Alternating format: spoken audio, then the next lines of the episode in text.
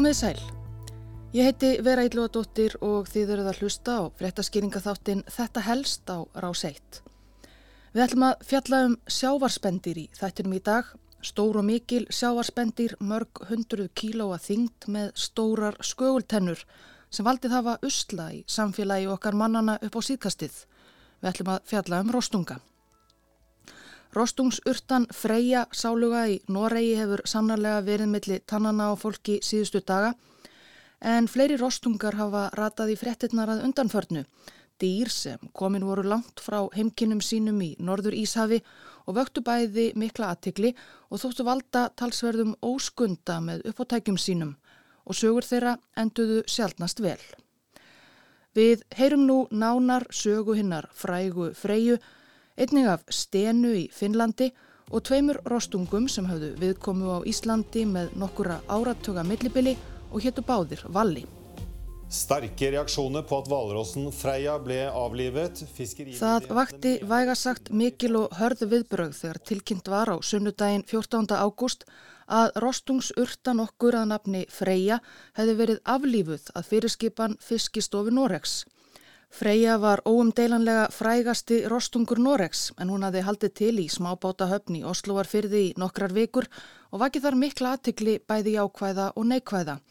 Freyja stundaði það enda helst meðan á dvölsinni í fyrðinum stóð að príla upp á báta og bryggjur oft með þeim afleiðingum að smábátar skemdust eða hreinlega sukku undan henni enda Freyja 600 kíló af flikki.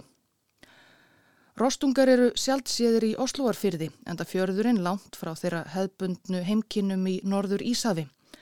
Viðvera freyju í fyrðinum spurðist fljótt út og fólk flyktist að til að berja skeppnuna augum. Norskum yfirvöldum reyndist erfitt að telja fólk á að styggja ekki dýrið, hætta sér ekki of nálagt því. Dæmi voru jafnvel um að fólk syndi við hlið freyju og raskaði róhennar þar sem hún lá og kvildi sig. Róstungar eru rólegir að sjá en geta verið stór hættulegir verði þeir styggir. Ekki þótti ráðlegt að reyna að flytja skeppnuna og ákverðun var því tekin um að aflífa freyju til að tryggja öryggi mannfólksins.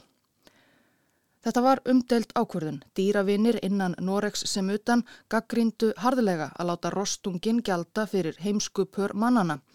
Lýstu einhverjir netverjar því yfir að þeir myndu ekki ferðast til Noregs vegna málsins sniðganga norskar vörur og jáfnvel þaðan að verra eins og heyrðist í fréttum í gær. Hilde Sjúrelv er gift Frank Bakke Jensen, framkvæmdastjóra norsku fiskistofunar. Hún segir í samtali við Norska ríkisútvarpið að þeim hjónum hafi borist fjöldi hótana og niðrandi orðsendinga vegna ákvörðunarinnar. Afdrif Freyju voru rætt á hæstu stegum Norsks stjórnkerfis og let Jónas Gar Störe, forsættis á þeirra Noregs, hafa eftir sér að hann stitti ákverðun yfirvalda um aflífun. Þannig laug sögur Óstungsins Freyju en saga hennar er lengri en ólánlegt síðasta stoppið í Oslovarfyrði. Rostungafræðingar höfðu fylst með flakki hennar lengi áður en hún dúkaði upp við Noregstrendur. Fólk varð freyju fyrst vart þar sem hún svaf værum svefni og var ná kavbát hollenska hersins í höfn í Dan Helder í norðanverðu Hollandi í oktober 2021. Holland er enn lengra frá heimahögum rostunga og var freyjarunar fyrsti rostungurinn sem sást til við Hollandstrendur í 23 ár. Það voru hollendingar sem gáfu rostungnum nafnið Freyja og vakti hún almenna kátínu Hollenskir netverjar slóðu því fram að hún væri að mótmæla hernaðar uppbyggingu hollendinga með því að lúra þarna á kábátnum. Freyja dvaldi þó ekki lengi í höfninni í Dan Helder, næstu vikur og mánuði sást reglulega til hennar á flakki en Freyja var auðþekkjanleg af bleikum bletti á tríni hennar og öri á öðrum hreyfanum. Hún sást þannig úti fyrir ströndum Danmerkur, Svíþjóðar, Þískalands og Norður Englands og í desember 2021 sást hún taka því rólega ofan á lagseldisbúri við eina Hjallandseiga. Rostungar eru sem fyrr segir rólindis skeppnur, sofa í um 20 klukkustundir á dagað jafnaði en þess á milli geta þeir sint langar vegalengdir eins og dæmi freyju sínir. Sumarið 2022 dúkaði freyja svo upp í Osloarfyrði með áðurnemdum afleiðingum. Fleiri flökkur ostungar hafa ratað í fréttir að undanförnu. Um svipaleiti og norska þjóðin fyltist með ævintýrum freyju með öndina í hálsinum var svipað uppi á tenningunum í Finnlandi. Rostungsurta sem fekk nafnið Stena sást fyrst flatmaga á baðströnd í borginni Hamina við Finnlandsflóa í júli í fyrsta sinn sem sást til Rostungs á þeim slóðum. Frá Hamina syndi Stena svo að borginni Kotka þar sem hún syndi inn í fiskigildru og velti bát fiskimanns nokkurs í leiðinni. Finnska landhelgiskeslan bjargaði manninum upp úr sjónum og klifti svo rostungin lausan úr gildrunni. Nokkrum dögum síðar rak Júka Hóvila í búa í Númenjóki norður af Kotka í Rógastans þegar hann heyrði skarkala í bakgarðinum í þann mund sem hann var að leggja á stað í sömarfrí. Heljarinnar rostungur reyndist hafa hlammað sér ofan á þvottakrind í gardinum. Þetta var stena sem af einhverjum ástæðum hafði synt upp á um kílometra vegalengt til Númenjóki, klöngrast þar á land og komið sér fyrir á þvottakrind Júka Hóvila. Hóvila fór enguða síður í sitt frí, hann átti miða á Ramstein í Tallinn, en í gardinum hans sapnaðist saman fjöldi fólks á meðan, fulltrúar yfirvalda, dýralæknar og forvittnir borgarar. Í nokkra daga voru augu allra að finna á bakgarði Júka Hóvila, líkt og með Freyju í Noregi, tóku finskir netverjar ástfóstri við stenu þar sem hún flatmagaði í gardinum. Reynd var að koma stenu til aðstóðar þar sem hún reyndist vera orðin veikburða og vannærð og gerði sig ekki líklega til að snúa aftur til sjávar upp á eigin ramleik. Hún varð endingu defuð og flyti átti hana á dýraspítala til aðleiningar en lifði ekki af ferðalagi þangað. Júka hófila endur heimti bakarðin en stena var mörgum finnum sem fylstöðu spendir með málinu mikill harmdöði. Skemst er svo að minnast Rostungsins sem gerði stutt stopp á bryggjunni höfni Hortnafyrði í september í fyrra. Anna Lilja Þóristóttir frettamæður rætti við Jón Garðar Bjarnason, lauruglu varstjóra á höfn í morgun frettum útvarps 20. september 2021 en þá hafði rostungurinn sá nýlega látið sig hverfa. Bæjabúar flyktust á bryggjuna til að bera gestin augum. Og allir horfður yngur á, þar með að ég fór á skoðan bara. Gaman að sjá rostung. Það var svörun þegar fólk fór á nálegt, þannig að maður sá að hann var svona, þá leta hann heyri í sér. En nú er hann farin og ykkvert á haf út? Vonandi. Það er náttúrulega ekki þetta að segja um það sko, en, en það er fjöldin allir ferðamannaperlin sem hann getur skoða sko. Vonandi hann að bara farið út og, og má rætta sér. Nokkru síðar kom í ljós að rostungur þessi var víðfrægur og raunar þekktur sem vandraðakemsi. Írskir fjölmiðlar kveiktu á því að þetta væri að öllum líkindum rostungur að nafni Valli sem ferðast aði vítt og breytt um Evrópu meðal annars sést til hans í Fraklandi og á Spáni. Þá hafði hann vakið sérstakka aðtikli nokkrum vikum fyrir heimsókn sína til Hafnar vegna skemdarverka sem hann vann á bátum í höfnum á Írlandi og víðarum Breitlandsegjar. Var hann sagður hafa sögt einum til tveimur smábátum í hverju höfn sem hann kom við í og valdið eignatjóni sem hann hafa hlaupið á einhverjum miljónum. Valli stilti sig þó um að valda nokkru eignatjóni á Íslandi. Dýravendunarsamtök á Írlandi fögnuðu því að sérst hefði til valla hér á landi en það benti það til þess að hann var á leið til heimkina sinna á Grænlandi og hefði stoppað í hornafyrði á leiðinni til að kvíla sig. Hefur svo ekki spurst til valla síðan og virðist hann hafa haft sig hægan í sumar. Rivjað var upp í kjölfar heimsóknar valla til hafnar að annar rostungur sem svo vill til að bar einnig nafnið valli hefur rataði fréttir hérlendis en það var árið 1981. Ævar Pettersen dýrafræðingur sagði sérstaka sögu valla eldri í útvarpi 2008 þá var Gunnar Tórótsen eh, fórsöldsráður Íslands og hann var stattur í, í London til viðræðina við þar lenda.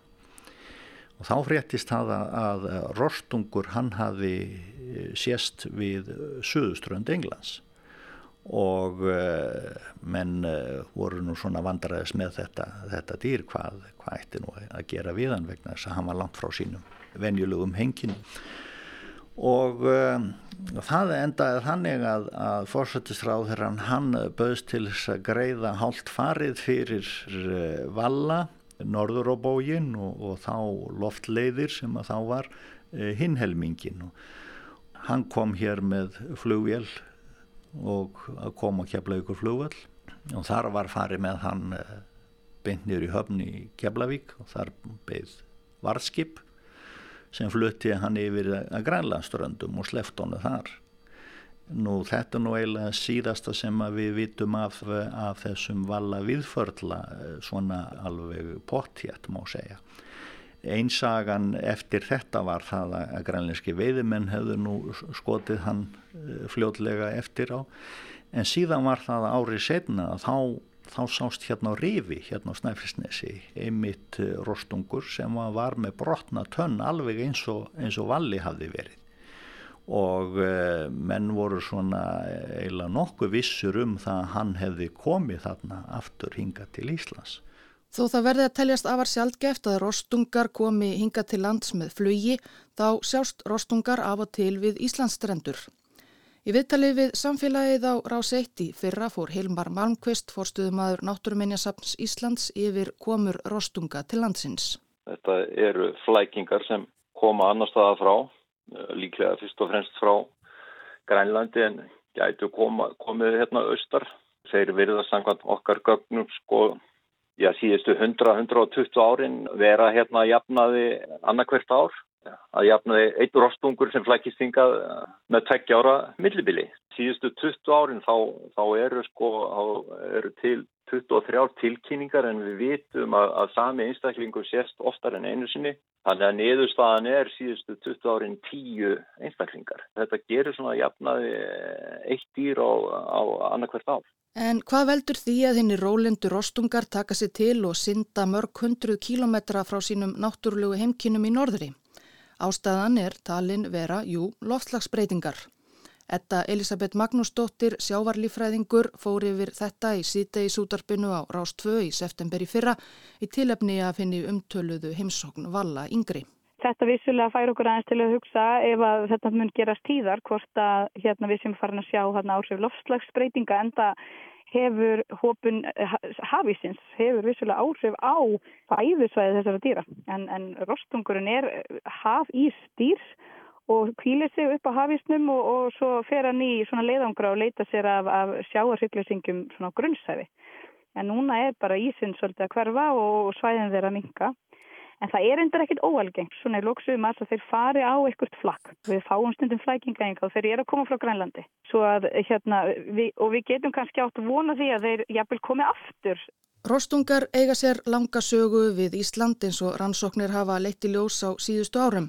Kenningar um að rostungar hafi leikið mikilvægt hlutverk í landnámi Íslands á sínum tíma verða sífelt háværari.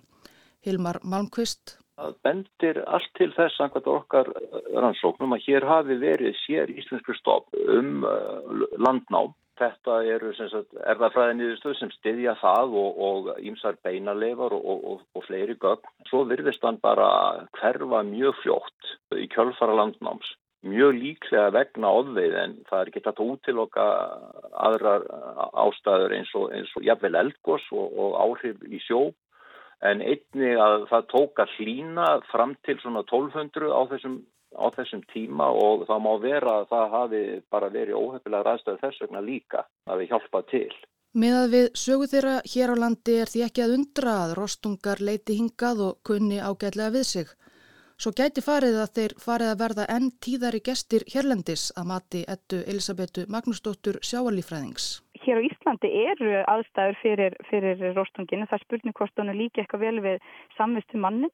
Það misa vestfjörðum er bara eru svona grunnsæfi og þar eru ákveðinir skjálfiskar sem þeir geta sótt, geta sótt í og hafa verið hérna í fleiri miljónur ára og eh, gæti nýst eh, rostugnum sem fæða þannig að hver veitnum að þeir bara nefni hér aftur land en, en ég ætlum ekki að lofa neinum það. Sagði þetta Elisabeth Magnúsdóttir sjávarlífræðingur. Hún lofar engu en það kann þó að vera að við mennirnir þurfum að bú okkur undir nánari samvistir við rostunga á næstunni. Sér í lagi, svo ekki fari fyrir fleiri rostungum eins og hinnum ólánsömu Freyju í Noregi og Stenu í Finnlandi. Takk fyrir að leggja við hlustir og við heyrumst aftur á morgun.